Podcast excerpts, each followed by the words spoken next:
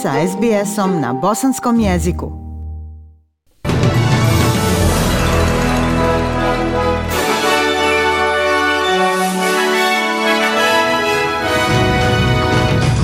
U današnjim vijestima poslušajte.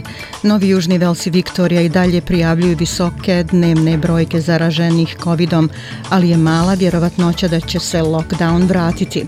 U Evropi također porast broja slučajeva omikrona i u sportu Lana Pudar osvojila bronzanu medalju za Bosnu i Hercegovinu u plivanju.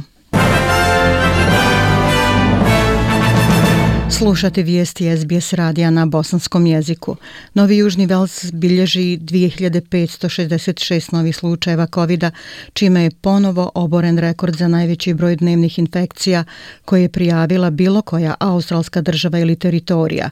U subotu nije bilo smrtnih slučajeva od virusa, ali u bolnici je 227 osoba zaraženih virusom, a 28 pacijenata je na odjelima intenzivne njege. Broj pacijenata s COVID-om u Viktoriji na intenzivnoj njezi ostaje stabilan, a država je dodala 1240 novih infekcija. Svom broju slučajeva i četiri smrtna slučaja od virusa. U bolnicama širom države nalazi se 392 osobe oboljele od virusa i od kojih su 81 na intenzivnoj njezi, a 41 je na respiratorima. Zamjenica glavnog medicinskog službenika Sonja Bennett kaže da je sve veći broj razloga za zabrinutost i poziva sve da razmisle o tome što mogu da urade dok uživaju u vremenu s porodicom i prijateljima tokom praznika. Please enjoy that time with family and friends. Most borders are open. Molim vas, uživajte u vremenu sa porodicom i prijateljima. Većina granica je otvorena. Možete se okupiti. Ali razmislite kako to možete učiniti na bezbjedan način. Postoji niz mjera. Dakle, prvo i najvažnije, ohrabrila bih da se nose maske. Razmislite o nošenju maski ponovno. Savezni ministar zdravstva Greg Hunt kaže da ne očekuje povratak na lockdown uprko naglom porastu slučajeva, dodajući da Australija ima jednu od najviših stopa vakcinacije u svijetu. U međuvremenu Savezni ministar zdravstva Greg Hunt odbacio je izuzeće od karantina za putnike koji su primili vakcine koje nije odobrila Australska uprava za terapeutsku robu. Ovo uključuju vakcine Sinopharm za osobe starije od 60 godina i Sputnik. Ljudi koji su primili te vakcine i dođu u zemlju suočavaju se sa dvosedmičnim hotelskim karantinom, što nije uslov za osobe koji su uzele odobrene vakcine. Where uh, somebody doesn't have Kada neko nema vakcinu koja je odobrena u Australiji, onda je podložan hotelskom karantinu. To je teška situacija. Žao mi je onih koji su se suočili s tom situacijom, ali isto tako priznajte da mi moramo slijediti ove medicinske savjete o sigurnosti i djelotvornosti vakcinacije. Tasmanija obavezuje nošenje maski u zatvorenom prostoru jer država bilježi tri nove infekcije covid -a. Broj aktivnih slučajeva na Tasmaniji iznosi sedam. Premijer Peter Gutwein kaže da iako slučajevi nisu bili neočekivani, nošenje maski bi smanjilo uticaj.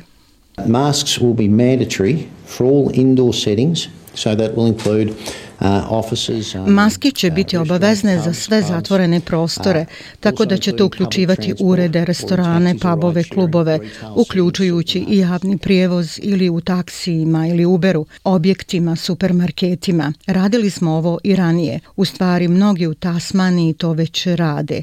Mandat nošenja maski stupa na snagu 21. decembra. U Brisbaneu je danas planirana dženaza Ali Resuloviću, novinaru, publicisti i aktivnom članu bosansko-hercegovačke zajednice u Australiji.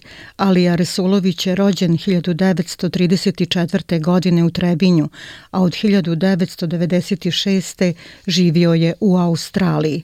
Za vrijeme svoje dugogodišnje novinarske karijere svoje vremeno je činio vrh jugoslovenskog sportskog novinarstva – Bio je urednik Sarajevskog oslobođenja, dopisnik mnogih novinskih kuća, predsjednik Udruženja novinara Jugoslavije i Bosne i Hercegovine, potpredsjednik Nogometnog saveza Bosne i Hercegovine, član ratnog predsjedništva novinara Bosne i Hercegovine, dobitnik nebrojenih priznanja i nagrada u novinarstvu i sportskom angažmanu. Napisao je preko deset knjiga iz sporta i života, a posljednjih godina je bio jedan od lidera BH zajednice u Queenslandu. Član uprave nogometnog kluba Stari Most bio je jedan od osnivača škole bosanskog jezika u Queenslandu, aktivan u radu BH zajednice u Australiji i delegat na tri kongresa Saveza BH Diaspore. Alija Resulović je ponekad i na SBS radio na bosanskom jeziku slao izvještaj iz Brisbanea kroz analize aktuelnih dešavanja.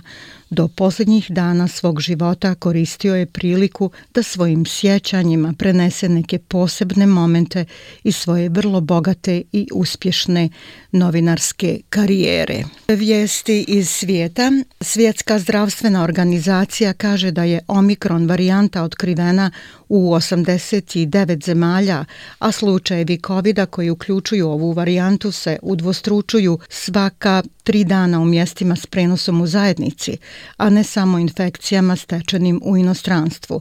Glavna pitanja o omikronu ostaju bez odgovora, uključujući koliko su efikasne postojeće vakcine protiv covid i da li ta varijanta izaziva tešku bolest kod mnogih zaraženih osoba. Značajna prednost omikrona u rastu u odnosu na delta varijantu znači da će vjerovatno uskoro prestići delta kao dominantni oblik virusa u zemljama. Od početka pandemije zabilježeno je više od 5,3 miliona smrtnih slučajeva od covid -a zemlje Evrope ponovno uvode oštrije mjere kako bi zaustavile novi talas infekcija covid potaknut visoko prenosivom varijantom Omikrona. Holandija je uvela lockdown širom zemlje do 14. januara. Ministri u Francuskoj i Austriji također su pooštrili ograničenja putovanja. Pariz je otkazao novogodišnji vatromet, Danska zatvorila zabavne prostore, Irska uvela policijski sat. Šefica Evropske komisije Ursula von der Leyen kaže da je podsticanje visoke stope vakcinacije ključno. We know that our healthcare systems are overstretched right now and this is partly linked to Znamo da su naši zdravstveni sistemi trenutno preopterećeni i to je dijelimično povezano s velikim brojem nevakcinisanih pacijenata. Dakle, odgovor može biti samo povećanje vakcinacije kako bi se uključile mjere pojačanja i zaštite djece stari od 5 godina. To mora biti odgovor koji dajemo novoj varijanti.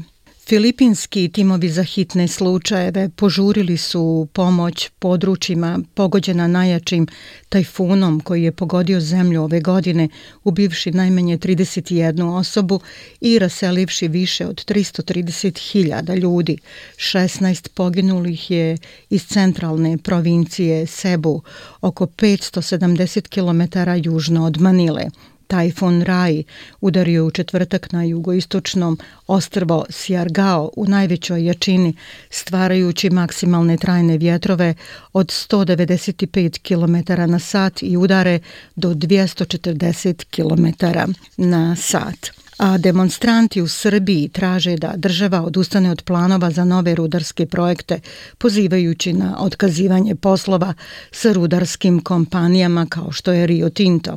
Protesti širom zemlje u posljednje četiri sedmice prvobitno su bili izazvani novim zakonima za koje aktivisti za zaštitu okoliša kažu da bi rudarskim kompanijama olakšali provođenje svojih planova – Predsjednik Srbije Aleksandar Vučić početkom decembra je vratio zakon u Skupštinu na doradu, a vođa protesta Aleksandar Jovanović kaže da su demonstranti željeli da vlada protjera anglo-australsku multinacionalnu rudarsku kompaniju Rio Tinto iz Srbije.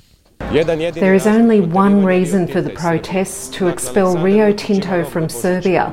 So the Serbian president and the government have a deadline until Christmas. Postoji samo jedan razlog za proteste, protjerati Rio Tinto iz Srbije. Dakle, predsjednik Srbije i vlada imaju rok do Božića da uklone projekat iz zemlje, a prije toga da sve ovo stavi na sto kako bi ljudi mogli vidjeti šta je dogovoreno s Rio Tintom u njihovo ime. Vlasti u zapadnom gradu Loznici saopštile su da odustaju od plana usvojenog ove godine za otvaranje rudnika litijuma koji vodi Rio Tinto u toj oblasti. Međutim, Rio Tinto je rekao da neće odustati od plana.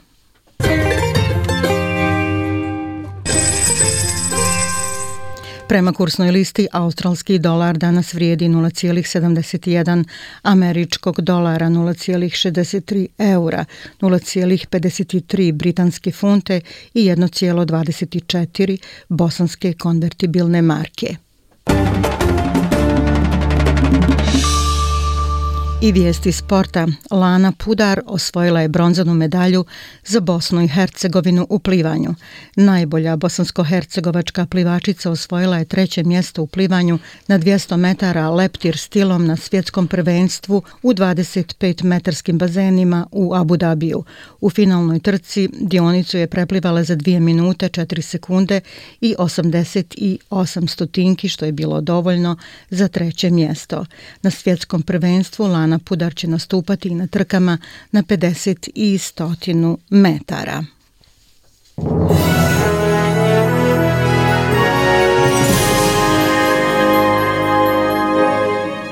I na kraju poslušajte temperaturne vrijednosti za veće gradove u Australiji. U Pertu sunčano 26, Adelaidu 22, u Melbourneu pljuskovi 23, Hobartu 24, u Kamberi 28, u Brisbaneu 30 i u Darwinu 35 stepeni Celzijusa. Bile su ovo vijesti SBS radija na bosanskom jeziku. Ja sam Aisha Hadži Ahmetović. Ostanite i dalje s nama.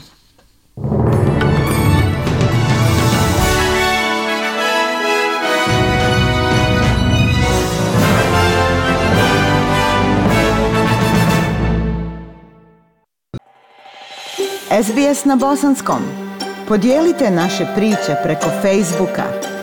Želite poslušati još ovakvih priča? Slušajte preko Apple podcasta, Google podcasta, Spotify ili kako god da primate svoje podcastove.